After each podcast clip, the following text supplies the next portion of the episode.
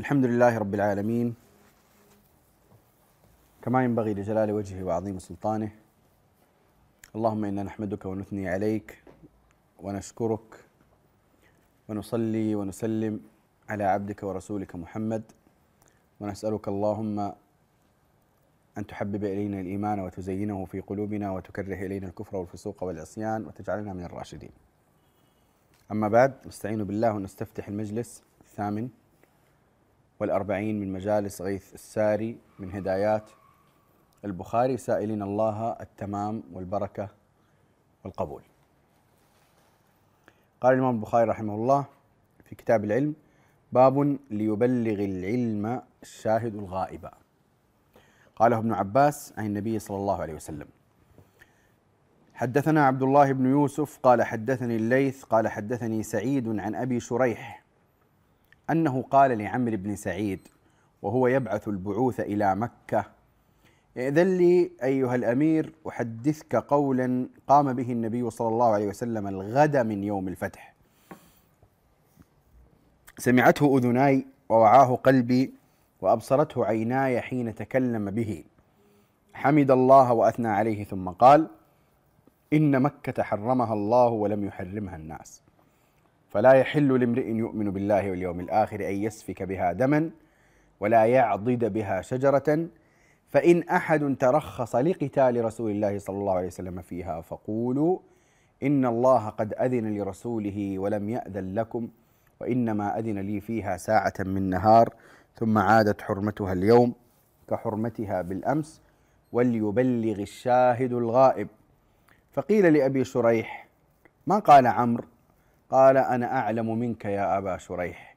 لا يعيذ عاصيا ولا فارا بدم ولا فارا بخربة. الكلام على هذا الحديث من وجوه. الوجه الأول كلام على إسناده آه والصنعة الحديثية هذا الحديث شيخ البخاري فيه هو عبد الله بن يوسف.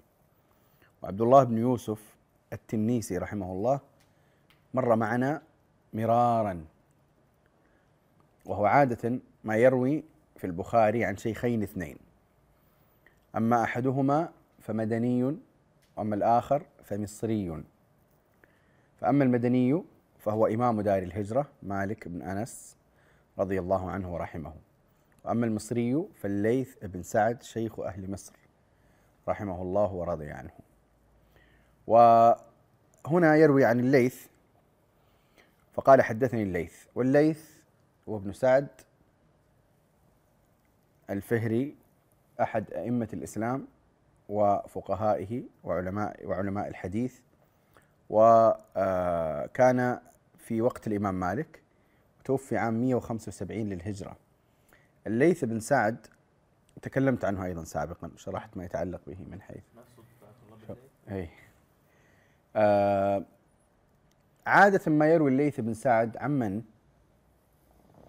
في البخاري اللي مر معنا يروي عمن أو ممن تعرفون يعني. ليث من شيوخه؟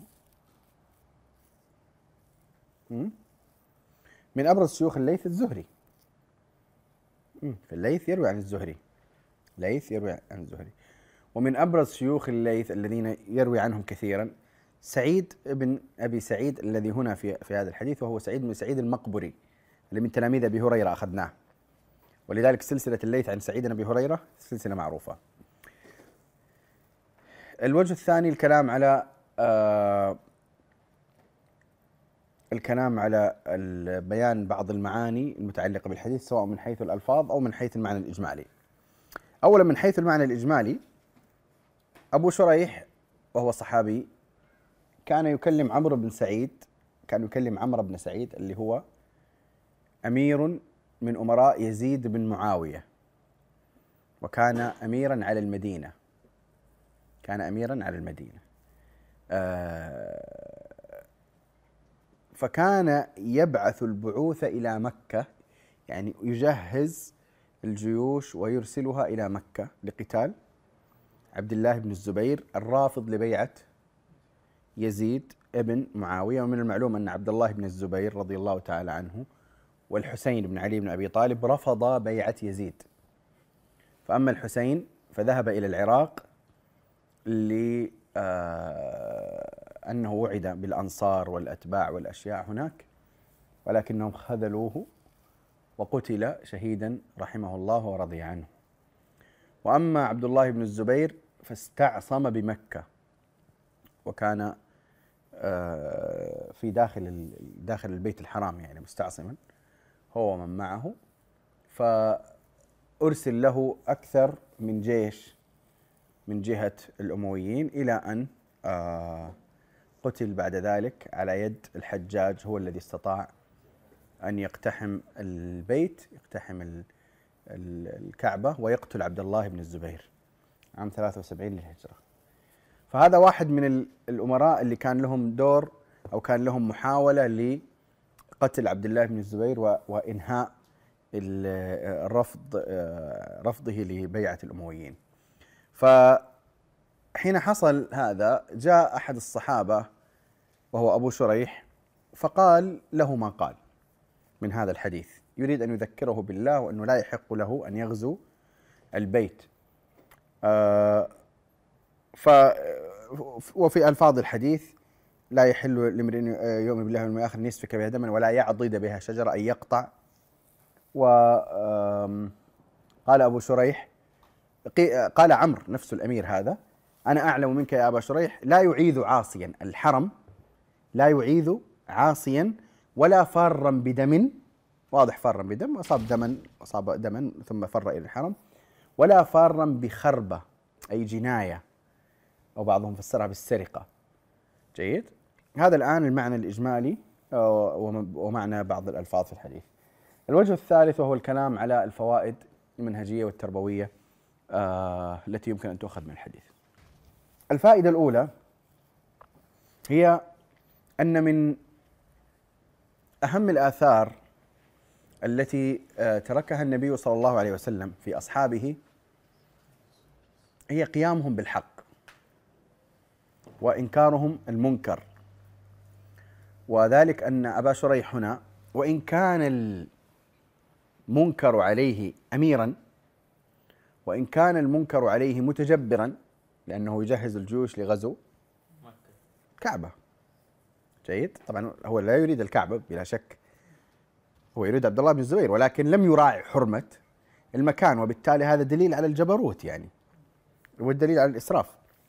كما قال ابن حجر عن عمرو بن سعيد آه، ليس من الصحابة ولا من ولا ممن تبعهم بإحسان. يعني هو تعرف التابعي من لقي الصحابي وعمرو بن سعيد لقي الصحابي فلم يرضى أن يسميه تابعي وإنما قال ليس من الصحابة ولا ممن تبعهم بإحسان. يعني كأنه يقول لا يستحق لقب تابعي بهذا المعنى. ومن باب أولى طبعا الحجاج ابن يوسف وكأن التابعي لفظ فيه آه، شرف لفظ فيه شرف. فابن حجر يقول عمرو بن سعيد ليس من الصحابة ولا من التابعين بإحسان. آه، فالفائدة الأولى هي أن من آثار التربية النبوية هي امتداد آثار القيام بالحق وإنكار المنكر. وذلك أن أبا شريح قام بذلك وقيامه بذلك نتيجة أمرين اثنين. الأمر الأول وجود العلم الذي اكتسبه من النبي صلى الله عليه وسلم وذلك أنه أنكر عليه بموجب إيش؟ الحديث. الأمر الثاني هو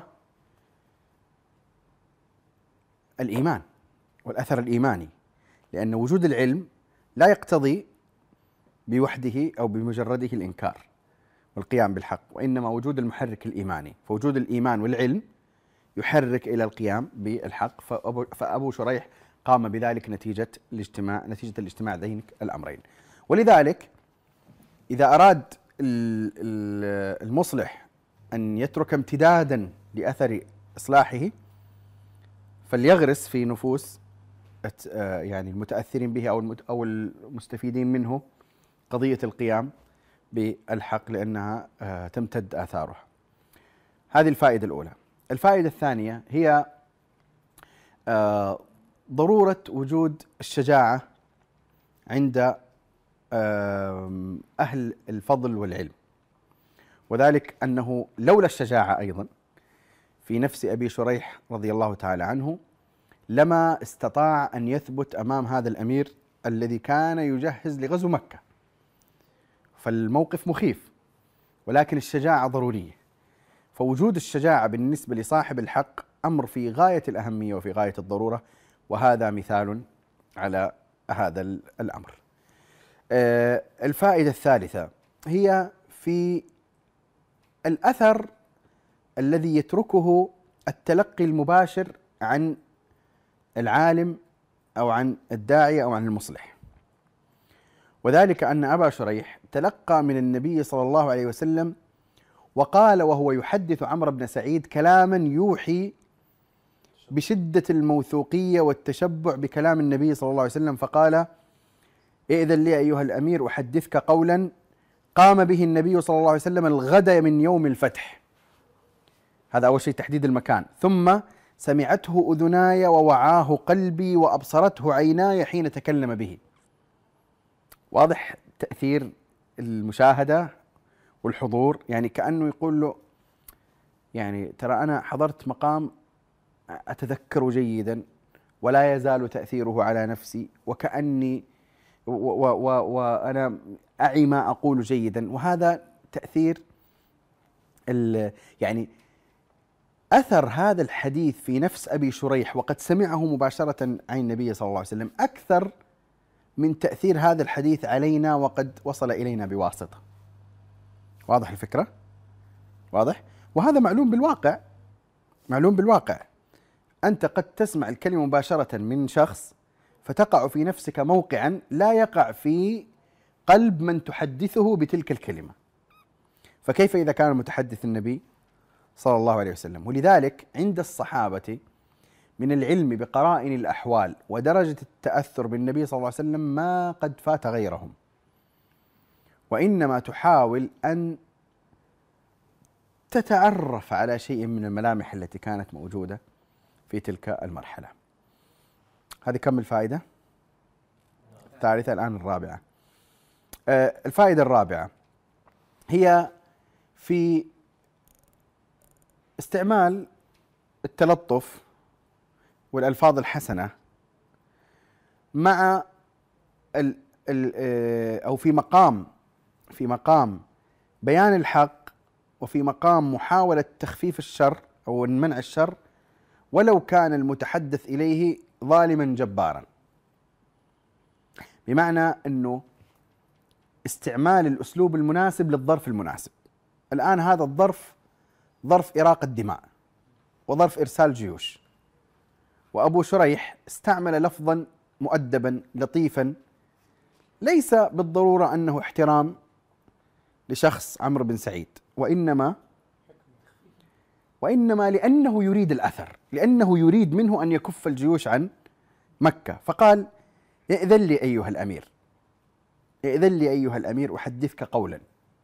واضح الأسلوب اللي هو يعني أسلوب متلطف إنه يعني إذا تكرمت يا حضرة الأمير لو سمحت لو تفضلت أنا أريد أن أقول لك شيئا. وهذا ها؟ فقول له قولا لينا وذاك لفرعون لكن كان المقام مقام حق. فهنا يستفاد من هذا الموقف من الصحابي الجليل أبو شريح يستفاد منه أن التلطف آه أن التلطف أمام آه الشخص الذي لا يستحق التلطف لذاته وإنما يستحق التلطف ويستحق الموقف التلطف لاحقاق حق أو إبطال باطل. أن ذلك سنة ماضية ومطروقة ومسلوكة بل ومن الحسن اتباعها وهذا ليس من النفاق ولا من التزلف وإنما هو من بغرض إحقاق الحق وإبطال الباطل. وليس جبنا ابدا هو هو قام المقام. هو قام المقام. جيد؟ الجبن هو لو لو لو لم يقم المقام لكنه قام المقام. هو الفكرة أنت ماذا تريد؟ إذا كنت تريد أن يكف الجيوش وهو أمير وعنده كل هذه الجيوش وهو مأمور أيضا من آه، يزيد ابن معاوية. ف إيه، لا بد أن آه، تحاول أن تتخذ الأسلوب الذي ممكن أن يوقف به يوقف به الإشكال. و كما قلت يعني حتى من يتأمل في صلح الحديبية سيجد أن النبي صلى الله عليه وسلم مارس هذا التلطف آه، لغرض تحقيق المصلحة. ولم ولم يبطل فيه حقا ولا ولم يحقق فيه بعض. يعني هذا هذا التلطف ليس من باب ليس فيه مخالف يعني ليس فيه شيء يخالف ما أنزل الله سبحانه وتعالى. ولكن حين كتب الكتاب من محمد رسول الله أو هذا ما عاهد عليه محمد رسول رسول الله آه، سهيل بن عمرو أو قريش قال امحو هذا سهيل يقول امحو محمد رسول الله. فإننا لو علمنا أنك رسول الله لما خالفناك فقال النبي صلى الله عليه وسلم لعلي بن أبي طالب أمحو أمحو محمد رسول الله واكتب من محمد بن عبد الله السؤال الآن إذا محى من الكتابة محمد رسول الله وأثبت محمد بن عبد الله هل زالت النبوة؟ هل قال إنه ليس نبي؟ هو الفكرة أنه غير اللقب الذي هو حق إلى لقب آخر هو أيضا حق واضح؟ بس بدل ما يكتب رسول الله كتب محمد بن عبد الله صلى الله عليه وسلم. علي بن أبي طالب رفض يمسح. علي بن أبي طالب رفض يمسح. طبعا هذا المقام يراعى فيه مقام الغيرة والغضب للحق وليس مقام عصيان النبي صلى الله عليه وسلم. ها؟ فقال فقال النبي صلى الله عليه وسلم يا يا علي امحو. فرفض علي أن يمحو. يعني ما استساغ أنه يمحو محمد رسول الله. فقال النبي صلى الله عليه وسلم أرني إياه فأراه فمسح. مسح النبي صلى الله عليه وسلم. فهنا الفائدة هي راجعة إلى هذا النقطة أنه ائذن لي أيها الأمير قولا أحدثك به أحدثك قولا قام به النبي صلى الله عليه وسلم إلى آخره. خامس الآن؟ أيوة خامسة هي آه تسارع أو إمكانية انتشار الفتن وتأثيرها بصورة سريعة جدا وفي زمن قصير جدا حتى مع وجود أهل الحق. وذلك أن هذه الأحوال السيئة التي حصلت كانت قريبة العهد بالنبي صلى الله عليه وسلم وكانت آه، في وقت وجد فيه الصحابة فيه موجودون. وإن كانت هذه في مرحلة متأخرة بعد فناء كبار الصحابة وجمهورهم. جيد؟ إلا أنه يوجد صحابة ويوجد من كبار التابعين وأئمة الإسلام. غير أن آه، تأثير الفساد والباطل يمكن أن يبقى أو يتسارع انتشاره ولو كان هناك حق طالما أن الباطل أو أو الفساد أو الظلم يمتلك أدوات آه، لنشر الفساد. والأداة هنا أداة سياسية. أداة هنا أداة سياسية. وتعلمون آه، أنه لم لم تواجه بالتسليم المطلق وإنما حاول طائفة من أصحاب رسول الله صلى الله عليه وسلم مقاومة هذا الأمر سواء من الحسين أو من آه، عبد الله بن الزبير أو حتى ممن آه، بايع ولكن مبايعة مبايعة أقرب ما تكون للمصلحة وليس للرضا. وذلك كما في الصحيح صحيح البخاري أو مسلم لما آه لما يعني حصل موقف بين عبد الله بن عمر رضي الله تعالى عنه ومعاوية أيضا رضي الله تعالى عنه حين قال حين تكلم عن بيعة يزيد فكأن معاوية قال إنه من عنده اعتراض في في فليتكلم يعني. فقال فقال عبد الله بن عمر فحللت حبوتي وهممت أن أقوم فأقول أولى بهذا الأمر منك من قاتلك وأباك على الإسلام. يعني السابقين للإسلام. يعني كانوا يقول أنتم أسلمتوا أصلا متأخر يعني.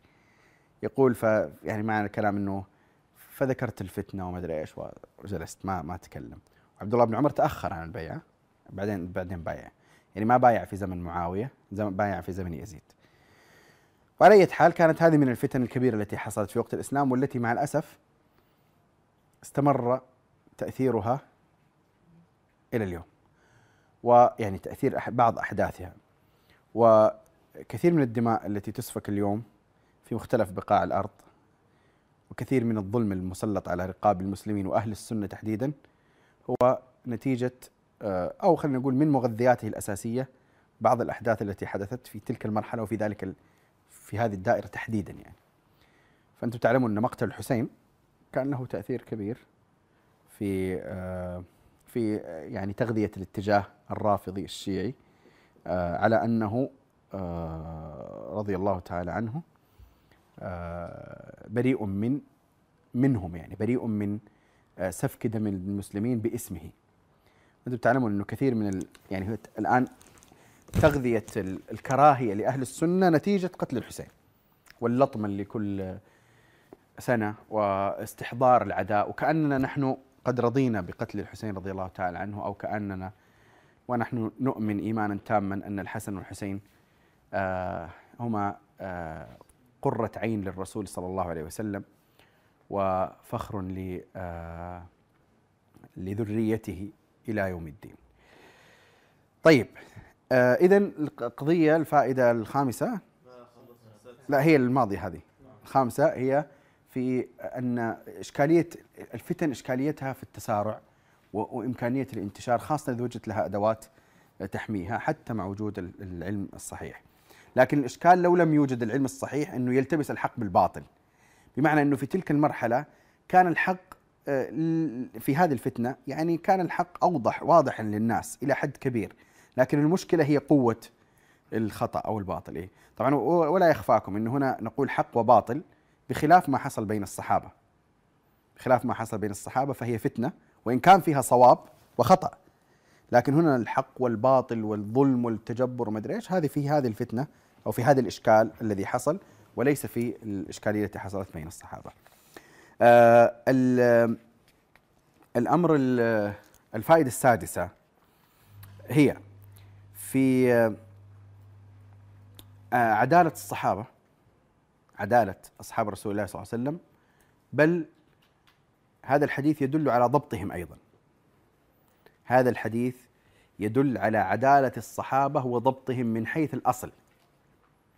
وذلك أن النبي صلى الله عليه وسلم قال في هذا الحديث بعد أن خطب في الناس يوم الفتح قال أو اليوم التالي قال ليبلغ الشاهد يوم الفتح قال ليبلغ الشاهد الغائب. ليبلغ الشاهد الغائب. ومن المعلوم أن النبي صلى الله عليه وسلم حين يخطب في أصحابه خطبة عامة فيقول من شهد منكم هذا الكلام فليبلغه لمن وراءه ألا يدل ذلك على أن النبي صلى الله عليه وسلم راض بشهادة هؤلاء الذين أمامه لمن وراءهم أليس كذلك؟ فرضا النبي صلى الله عليه وسلم بشهادة من حضر لمن غاب بما حضر أو بما سمعه في الحضور دليل على أن من شهد أهل لأن يبلغ من غاب والأهلية هذه تعني في الجملة العدالة والضبط ليس كذلك؟ ليس كذلك؟ تعني في الجملة العدالة والضبط فتم فإشارة النبي صلى الله عليه وسلم إلى ليبلغ يعني بلغوا وأنا راض عن تبليغكم ما سمعتم ورضاه عن تبليغ الصحابة ما سمعوا معناه أنه راض عن مستوى أهليتهم في الحفظ وفي الضبط آه، في العدالة وفي الضبط. آه، الفائدة السابعة هي في أن النبي صلى الله عليه وسلم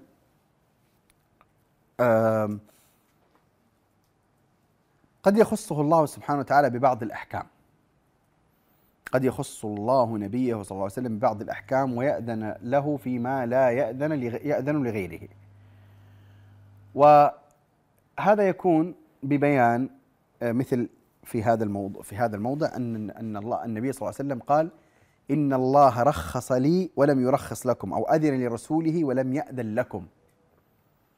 وهذه آه، مسألة محلها كتب أصول الفقه في فيما يتعلق بأفعال النبي صلى الله عليه وسلم وأن منها ما هو خاص به ومنها ما هو عام. وهذا الأصل الأصل أنها عامة أنه ما فعله النبي صلى الله عليه وسلم فهو محل للإقتداء.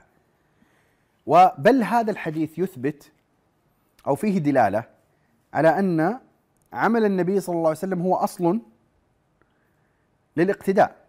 لأنه قال فإن أحد ترخص بقتال رسول الله صلى الله عليه وسلم فلم يقل قولوا له إن عمل النبي صلى الله عليه وسلم ليس رخصة أو إن لا وإنما لقد كان لكم في رسول الله أسوة حسنة. وإنما هذا العمل بعينه تحديدا هو خاص بالنبي صلى الله عليه وسلم. واضح الفكرة؟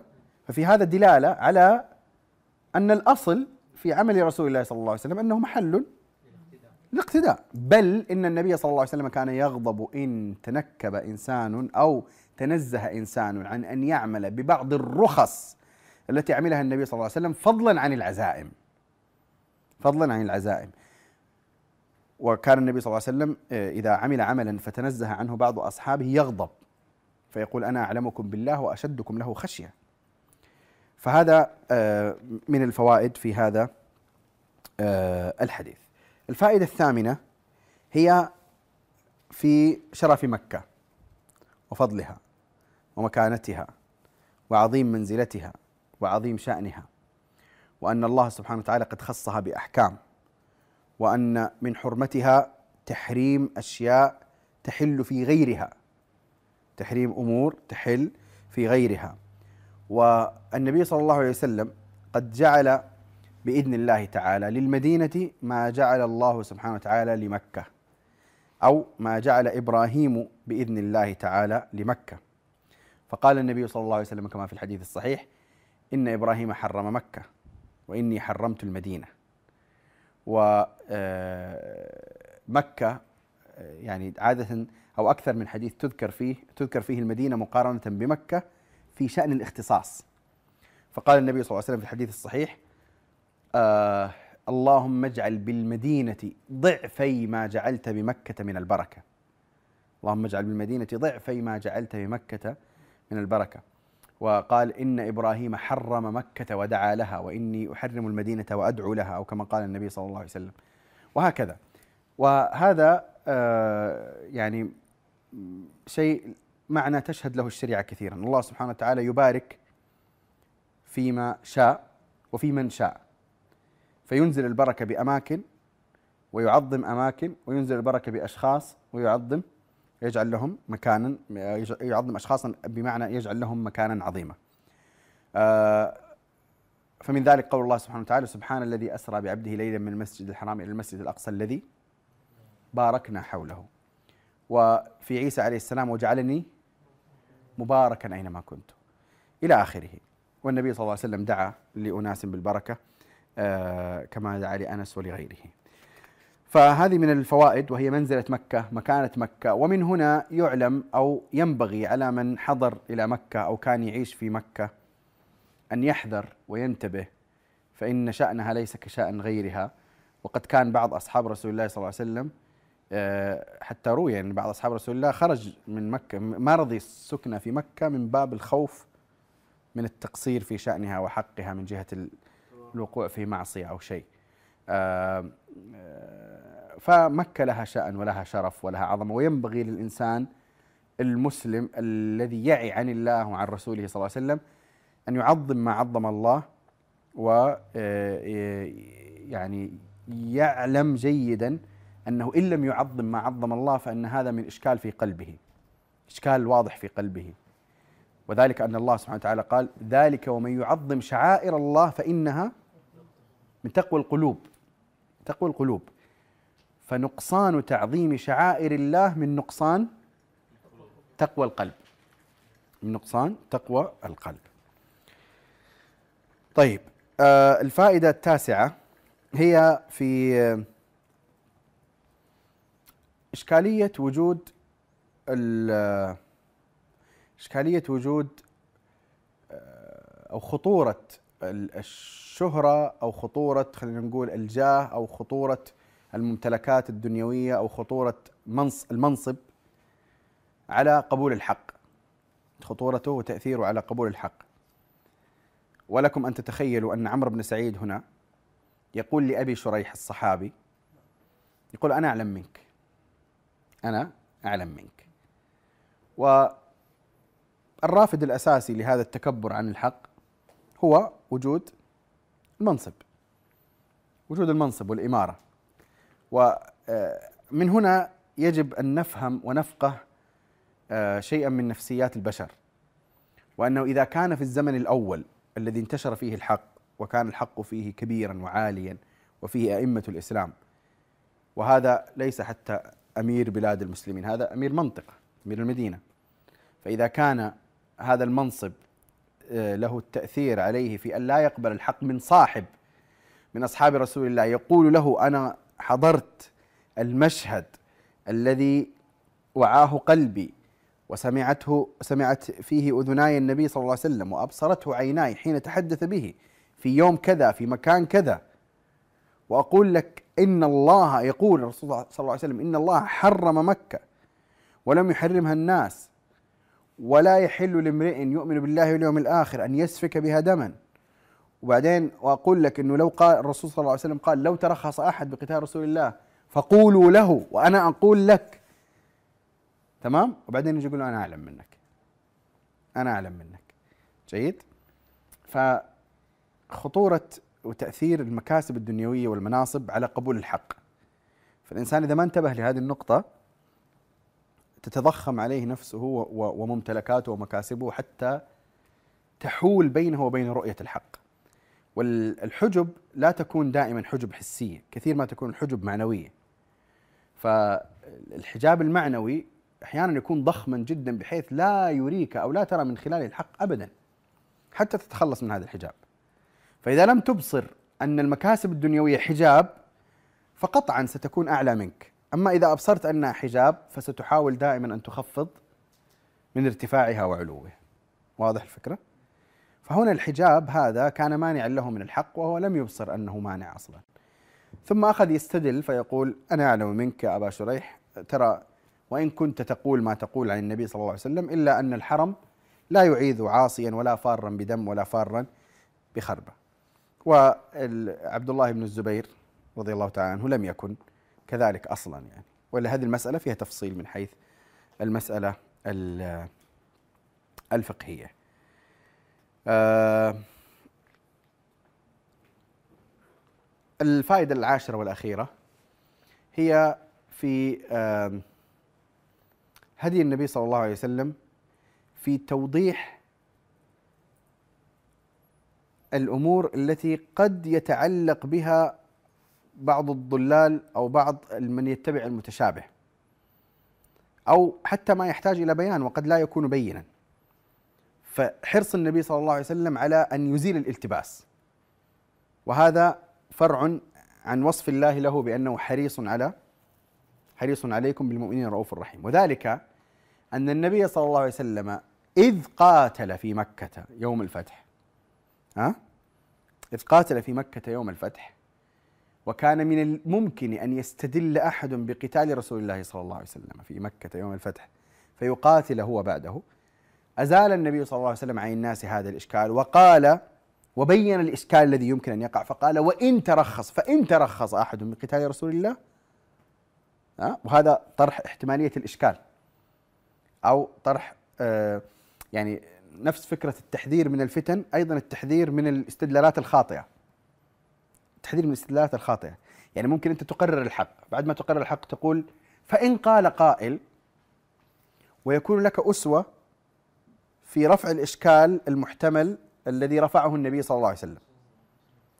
النبي صلى الله عليه وسلم فعل حقا ثم قال فإن قال قائل معنى يعني فإن ترخص أحد بقتال رسول الله صلى الله عليه وسلم فقولوا. وعلمهم الحجة المناسبة لرفع هذا الإشكال المحتمل. فإن ترخص أحد بقتال رسول الله فقولوا إن الله رخص لرسوله أو أذن لرسوله ولم يأذن آه، لكم.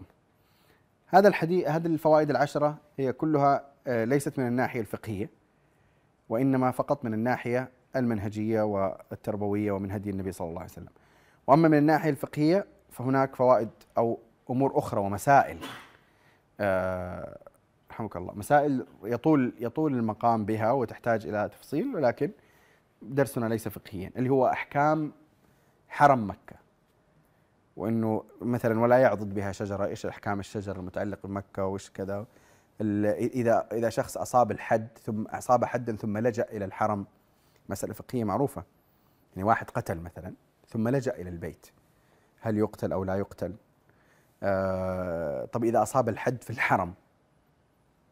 يعني في فرق بعض الفقهاء بين الأمرين إنه أصابه في الحرم أصلا يعني هو انتهك حرمة الحرم أو أصابه خارج الحرم ثم جاء لاجئا إلى الحرم. لقول الله سبحانه وتعالى ومن دخله كان آمنا. وإلى آخره من تفاصيل في ال في ال وهناك أحكام خاصة بمكة أيضا غير هذا لم تذكر في هذا الحديث مثل اللقطة. اي آه إنه لا تحل لقطتها إلى آخره. غير غير اللقطه في غير مكة جائزة. آه ولا تحل لقطتها إلا لمن يعرف. في المدينة نسيت والله. عموما وصلى اللهم على نبينا محمد وعلى آله وصحبه أجمعين.